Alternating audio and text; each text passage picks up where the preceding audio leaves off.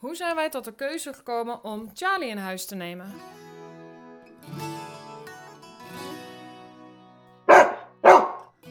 We hebben een nieuwe pup. Ze heet Charlie. En Charlie woont sinds eind december bij ons. Vlak voor kerst kwam ze bij ons. En in deze podcast wil ik je graag vertellen hoe we tot dat besluit zijn gekomen. Ik heb ook al twee podcasts, waarbij ik volgens mij in de ene podcast vertel dat we bij een puppy gingen kijken, een andere puppy, en in de volgende podcast vertel dat we de pup niet nemen. En ik dacht, ik ga je vertellen waarom dan Charlie nu wel en die pup niet en hoe is dat eigenlijk gegaan. Ik heb een, een andere podcast over hoe ga ik om met de oudere hond. Een podcast van september volgens mij. En daarin was ik nog veel meer aan het dubben over, wil ik dat überhaupt wel? Een andere hond naast dat ik Nimrod nog heb en... Maar in die tijd is er heel veel veranderd. Hè? Er, is niet zo veranderlijk, vind ik, als het leven van een oude hond of juist van een pup, waarin je van die fases hebt en, en, en uh, waarbij je in een pup juist in een stijgende lijn gaat en dan misschien niet eens altijd qua gedrag, maar wel het, het gaat omhoog en het ontwikkelt zich. Zie je bij een hond dat het juist dat, dat de lijn afloopt en het wordt eigenlijk steeds minder. Wat een heel logisch gevolg is. En dat maakte wel dat het verlangen in mij anders werd. Doordat ik bij die andere pup ben gaan kijken. Um, dat, dat voelt heel fijn, want het maakte dat ik het verlangen. Um, het werd bevestigd dat ik inderdaad hier wel aan toe was. Het maakte ook, als je bij meerdere hondjes gaat kijken, in die zin is dat echt best wel een advies. Um, dat je niet zomaar de eerste en de beste neemt. Maar ja, dat met maakte dat ik daardoor ook wel dacht: ja, wat, wat wil ik wel en wat niet. En het verlangen was gewoon bevestigd. En laten we zo zeggen, ik had de boodschap de wereld in gegooid van: weet je, eh, we zijn toe aan een hond, laten we maar kijken wat er op ons pad komt. En er past van alles bij ons, qua ras, qua leeftijd en zowel een buitenlandse adoptiehond als een Nederlandse adoptiehond. Weet je, daar het was niet dat ik specifiek iets wilde. Ik wilde niet een hond redden uit het buitenland. Ik wilde niet per se een pup vanaf acht weken. Ik denk wel dat ik weet wat ik niet wilde. Ik wilde niet per se een hond die uh, echt al zes jaar was. En ja, dat voelt een beetje lullig ook ergens. Maar tegelijkertijd, ik wilde gewoon weer een jonge hond in huis. En met zes jaar, ja, het voelde dan weer alsof ik weer die kant van Nimrod opging. Dat is natuurlijk niet zo. Maar dat is dan wel een heel relatief gegeven. Hè? Dus het is super, super subjectief dit. In ieder geval, ik uh, had dus de deur opengezet en zo zijn we gewoon uh, daarin gestapt. Dat maakte ook dat ik ook niet per se aan een tijd dacht waarin dat wel of niet kon, want het voelde wel en alles, we zijn daaraan toe. Maar het is wel zo dat kerst en oud en nieuw voor de deur stond. Dat is een feit. En uh, vanwege dat feit ben ik het met de Border Collie Pup uit die podcast niet aangegaan. Omdat hetgeen wat ik zag, ik niet in combinatie zag met waar ik wel mee moest dealen. Namelijk een kerst vol drukte, een oud en nieuw. En, en dat ik harder moet werken dan, dat is het probleem niet. Maar als ik een goede basis wil creëren, is wel de vraag: wie heeft hier wat aan? En dan kom je wel een beetje op, als niet alles op zijn plek valt, wat ga je dan aan? Door de tijd heen ben ik gewoon een aantal websites en fokkers en hondenrassen gaan opzoeken. En ehm, zo ook met Charlie. Charlie stond op verhuisdieren. Met regelmaat keek ik op verhuisdieren.nl. Daar staan uh, honden van stichting uit, buiten, uit het buitenland. En er staan honden, uh, gewoon particulier uit Nederland, die daar geplaatst worden omdat ze uh, te adopteren zijn. En ik hou dat gewoon in de gaten. En zo stuurde ik eens wat door naar mijn man. hey, hoe vind je dit? Hoe vind je dat? Toen zagen we Charlie. Uh, ik kijk dan heel erg naar de foto. Niet op basis van uiterlijk, maar veel meer hoe lijkt de hond over te komen op de foto. Dat is een gevoelskwestie. Maar ook wel, um, heeft de hond veel stress op de foto? Hoe is zijn blik? Heeft de hond vieze oogjes of niet? Hoe ziet hij eruit? Wat, um, ja, eigenlijk vooral heel erg dat. Laat de hond veel stresssignalen zien. Hoe staan zijn ogen ook wel? Zie je daarin veel angst of eigenlijk ook wel een stukje trauma. Ogen vertellen daar dan dus ook wel veel over. Of zie je een vorm van juist luchtigheid en niet zoiets gecompliceerd. Is het erg dat dat er allemaal is? Nee, maar dat is niet wat ik hier, wat nu hier op dit moment past. Um, ik kwam Charlie tegen. Naast dat de foto er goed uitzag, was het zo dat Charlie een gewoon een leuk, mooi, lief, schattig hondje was. Um, in het kader van schaadt het niet, baat het niet, heb ik contact gezocht met de stichting. Via verhuisdieren gaat dat dan in eerste instantie. En zo uh, mochten wij uiteindelijk bij Charlie gaan kijken. Er zijn wel een aantal dingetjes die wel aangewakkerd zijn.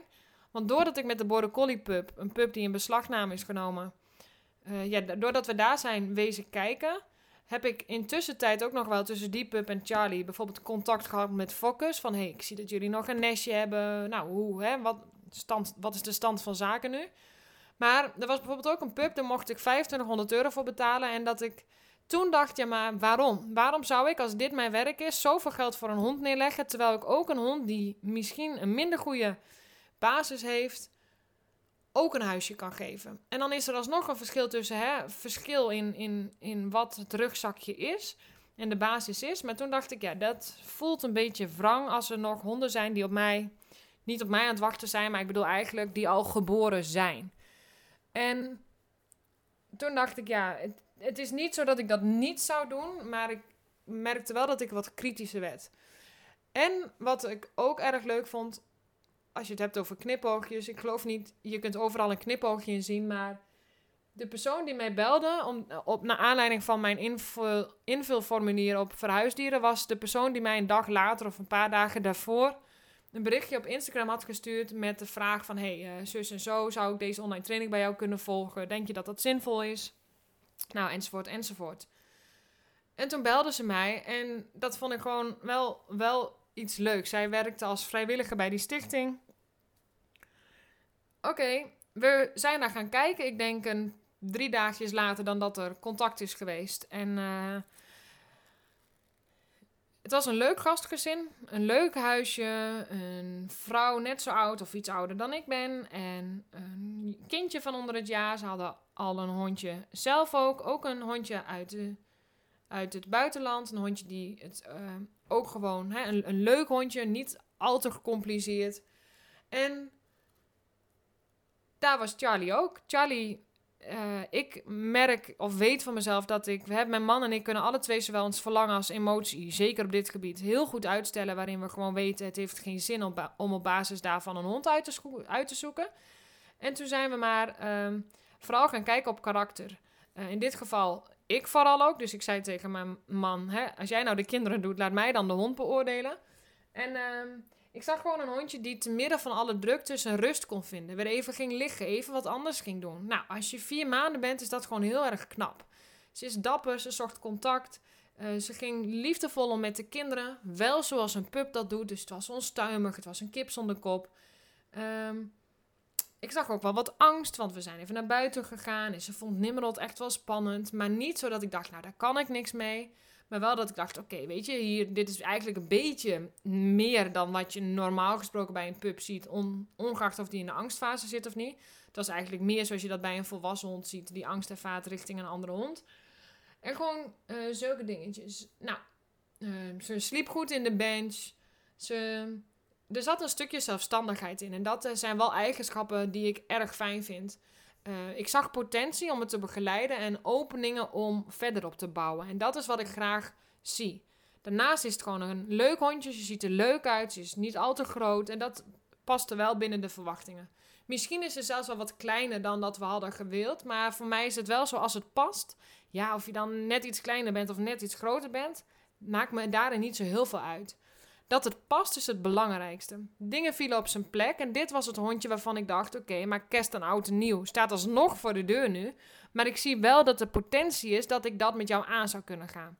Zou dat even hard werken zijn? Ja, want het betekent dat um, we twee jonge kinderen hebben, een oude hond en ook nog dan dus een pup van vier maanden. En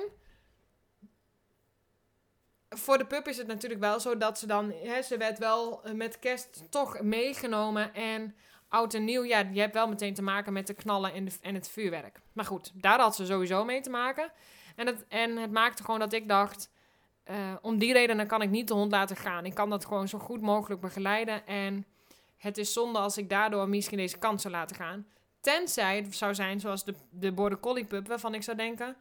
Ja, maar is er voldoende nu waar ik op kan bouwen? Want anders maak ik het misschien erger. Nou, met kerst en oud en nieuw ging het echt supergoed. Onder andere vanwege haar zelfstandigheid. Charlie kan eigenlijk ook wel meer dan gemiddeld goed alleen zijn voor een pup van vier maanden. Waarin je eigenlijk ook wel ziet dat ze gewoon ja, dat misschien ook heeft moeten doen. Geldt niet voor iedere buitenlandse hond, maar in dit geval pakt dat heel goed uit. Uh, met mensen is ze heel goed. En als zij heel erg hoog zit, zie je dat niet per se direct terug in haar gedrag. Betekent niet dat, het, dat die emotie er niet is, maar het is dan niet de pup die volledig zijn weg kwijtraakt, maar natuurlijk wel behoefte heeft aan een aantal dingetjes. Anyway, we hadden gezegd, want we mochten de pup eventueel ook meteen meenemen. En toen zeiden we, nou, dat willen we niet doen. We willen daar een nachtje over slapen. En we willen het gevoel, het, hè, dat moet hetzelfde zijn. En het verschil is wel echt, als je er een nachtje over slaapt, dan ben je weer nuchter en uit je puppybubbel. Want ik zie toch wel met regelmaat, en als ik ook voor mezelf spreek, als je daar bent en je zit in dat gevoel van met die pup, ja, als je dan, als je dan vervolgens zegt, ik ga er een nachtje over slapen, de volgende ochtend word je gewoon nuchterder wakker. Want je bent gewoon weer aan het relativeren en dat je denkt, ja, gaan we dat dan echt doen of niet? Ongeacht of ze leuk is of niet. Maar ik denk wel dat het heel belangrijk is dat je dat gevoel hebt. Want anders ga je in de, onder invloed van die puppy beslissen. Maar natuurlijk, als jij een hond wilt, je hebt dat verlangen en de pup is leuk, dan is het logisch dat je dat gevoel hebt. Dus een nachtje erover slapen is denk ik altijd verstandig. En, maar toch dachten we, ja, we gaan het gewoon doen. We zijn het aangegaan. En ongeacht de chaotische tijd die toch wel een beetje op de loer lag, uh, zijn we het aangegaan en dat is super goed gegaan. En Charlie die doet het heel goed. Er zijn eigenlijk geen hele chockerende dingen waarvan ik denk, nou, dat, dat ehm, heb ik onderschat of zo. Ehm, ze doet het als puppy heel goed. Ze, vindt, ze doet het buiten inmiddels ook echt steeds beter. Je zag gewoon dat ze heel erg moest wennen aan dingetjes. En uh, je ziet ook dat ze. Uh, ik heb me eigenlijk eerst alleen maar gericht op het emotionele welzijn van de, van de hond, van Charlie. Om te zorgen dat ze emotioneel goed in haar velletje zit. En ja, daardoor verandert haar gedrag. En ik zie dat ik inmiddels een beetje kan gaan bouwen met eens wat trainingsdingetjes. Of net iets meer te verwachten. Charlie die, uh, is nu bij ons. En uh, ja, alles valt op zijn plek. Het is gewoon heel logisch dat ze bij ons is. En ze doet het heel goed. En het past in ons gezin. En de kinderen vinden het leuk. Ze is heel lief voor de kinderen. Met Nimrod gaat het goed.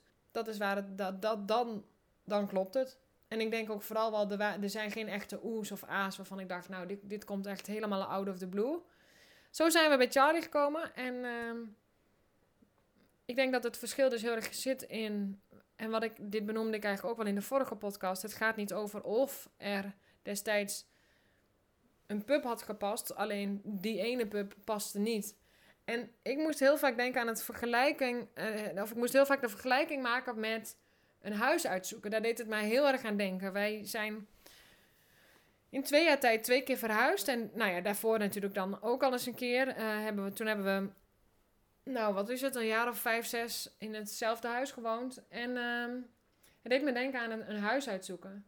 Als je naar een huis toe gaat, zeker bijvoorbeeld voor de eerste keer of misschien de tweede keer en je komt dan bij zo'n huis en je loopt binnen en nou, je, je bent iets gaan zoeken wat, wat anders is dan je nu hebt. Bijvoorbeeld groter, een extra slaapkamer, een grote badkamer, whatever. En als dat huis dat dan heeft, dan, en je zit in dat verlangen, je loopt rond in dat huis, dan denk je, wow, ja, maar wat als? En wat nou als ik nee zeg? En dan zit je in dat verlangen en dan ga je naar huis. En als je dan thuis komt, dan word je eigenlijk een beetje nuchter en dat je denkt, ja, oké. En wat dan nu? Ik denk dat je heel wel overwogen een keuze kan maken. Dat op de allereerste plaats. Door ook echt zelfs heel verstandig dingen af te bakenen. Door gewoon te zeggen: ja, maar ik ga niet impulsief beslissen. Ik ga daar een nachtje over slapen. Ik selecteer op karakter. En niet alleen op wat ik mooi vind. En allemaal van dat soort dingetjes. Ehm, is het ook een beetje koffiedik kijken. Maar het is ook wel een gevoelskwestie. Het is natuurlijk zo dat het op zijn, het moet op zijn plek vallen. Dat je zegt, ja, dit valt op zijn plek en dit, hier weet ik het gewoon. Dus als ik kijk naar onze uh, huizenjacht, uh, wat is het, bijna drie jaar geleden, toen we van in, in Amersfoort uh, gingen verhuizen. Toen kwamen we op een gegeven moment in een huis. Dat was eigenlijk alles wat wij op papier hadden gewild. Het was een soort herenhuis, of niet een soort, het was een herenhuis waarbij we het hele huis uh, tot onze beschikking hadden. Het was een grote tuin, alles was mooi, alle elementen van dat oude huis zaten er nog in. En we gingen weg en we zeiden, ja, maar dit is hem niet. En ik denk dat dat is waar het over gaat. Ehm, dus het kan op papier heel erg mooi lijken, maar daar gaat het niet alleen over. Het moet kloppen. Maar naast bij een hond vind ik wel, en eh, natuurlijk bij een huis ook, naast dat het moet kloppen, moet je er wel rationeel over nagedacht hebben. Zit er potentie in? Is dit wat wij kunnen bieden?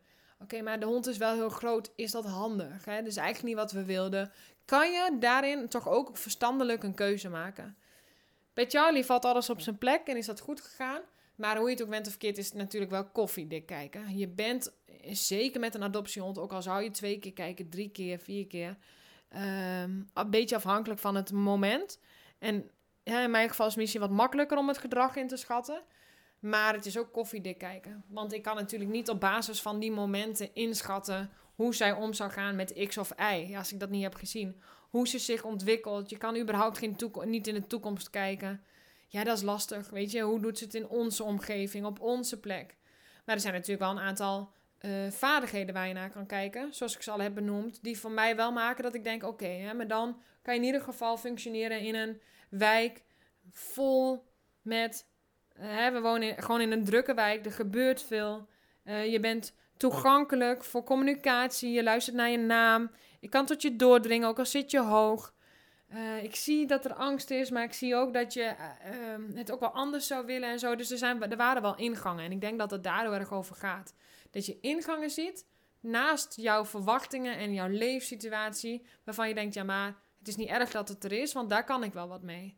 Maar als er dingen zijn waarvan je denkt, ja, maar als jij met geen enkele auto kan omgaan nu, terwijl ik in een woonwijk zit vol met auto's, is dat dan erg? Nee, want je kan overal wat mee, maar dan heb je meer factoren hè, die zwaarder wegen. In, in, in, in mijn geval bijvoorbeeld ook uh, toch het feit dat ik een gezin heb, waarvan ik weet dat de focus ook veel op het gezin gaat zijn. Waarbij ik soms ook met de kinderen loop, waardoor ik uh, niet vol intensief op de training met de hond gaat, kan gaan zitten. Waarbij ik weet dat het intensief is om in een gezin een jonge hond erbij te hebben, want je hebt er gewoon een kind bij. Nou, zo kun je er heel veel over zeggen. Charlie die woont bij ons. Charlie doet het supergoed. Uh, het is absoluut een goede keuze geweest. Het is een verstandige keuze geweest. Haar karakter past. Het zou kunnen dat ze iets kleiner is. Het maakt ook wel eens dat ik denk: wow, ik ga van een, vind ik dan, hè, vet stoere te Furious Header. Ik vind dat echt kicken. De kracht van zo'n van zo'n ras vind ik heel tof. Dat zou ik ook, ah, gaat ook ongetwijfeld nog een keer hier in huis komen. Maar wat mij dus heel erg bevalt, echt nu al, is de luchtigheid die ze met zich meebrengt. Iedereen vindt haar leuk, iedereen vindt haar schattig. En als ik dat gewoon afbaken van ja, is dikke prima, hè, maar uh, wil je gewoon niet zo. Hè, ze, mag niet door iedereen aangehaald worden, want daar heeft ze niks aan. Gewoon, snap je, ik, ik scherm haar af dat ze zo leuk is. Um, ja, dat maakt het voor mij echt wel anders. Er zijn echt dingen, en daar heb ik natuurlijk wel ook naar gezocht. Hè, zoals je inderdaad, dat, je gaat verhuizen want je wil dat je huis net wat groter is. Of hè, je gaat dingen zoeken die je nu misschien mist. Um, mis ik misschien bij Charlie nu dingen die Nimrod heeft. Maar ik was absoluut op zoek naar een hond die op bepaalde vlakken minder zwaar was. En die zwaarte van Nimrod maakte ook... Uh, het maakte hem ook het woord wat in me opkomt is een soort legend. Hè? Het maakte hem autoritair, het maakte hem heel sterk. Het maakte dat hij een hele mooie uitstraling had, dat hij krachtig was. Maar je begrijpt dat dat natuurlijk ook valkuilen heeft en dat het ook nadelen heeft en dat het daardoor zwaar voelt en dat het... Snap je, het heeft ook... Die kant heeft het wel degelijk ook gehad. En ik wilde het lichter, minder gecompliceerd. En uh, weet je, daar zullen ook nadelen aan zitten. Simpel zat.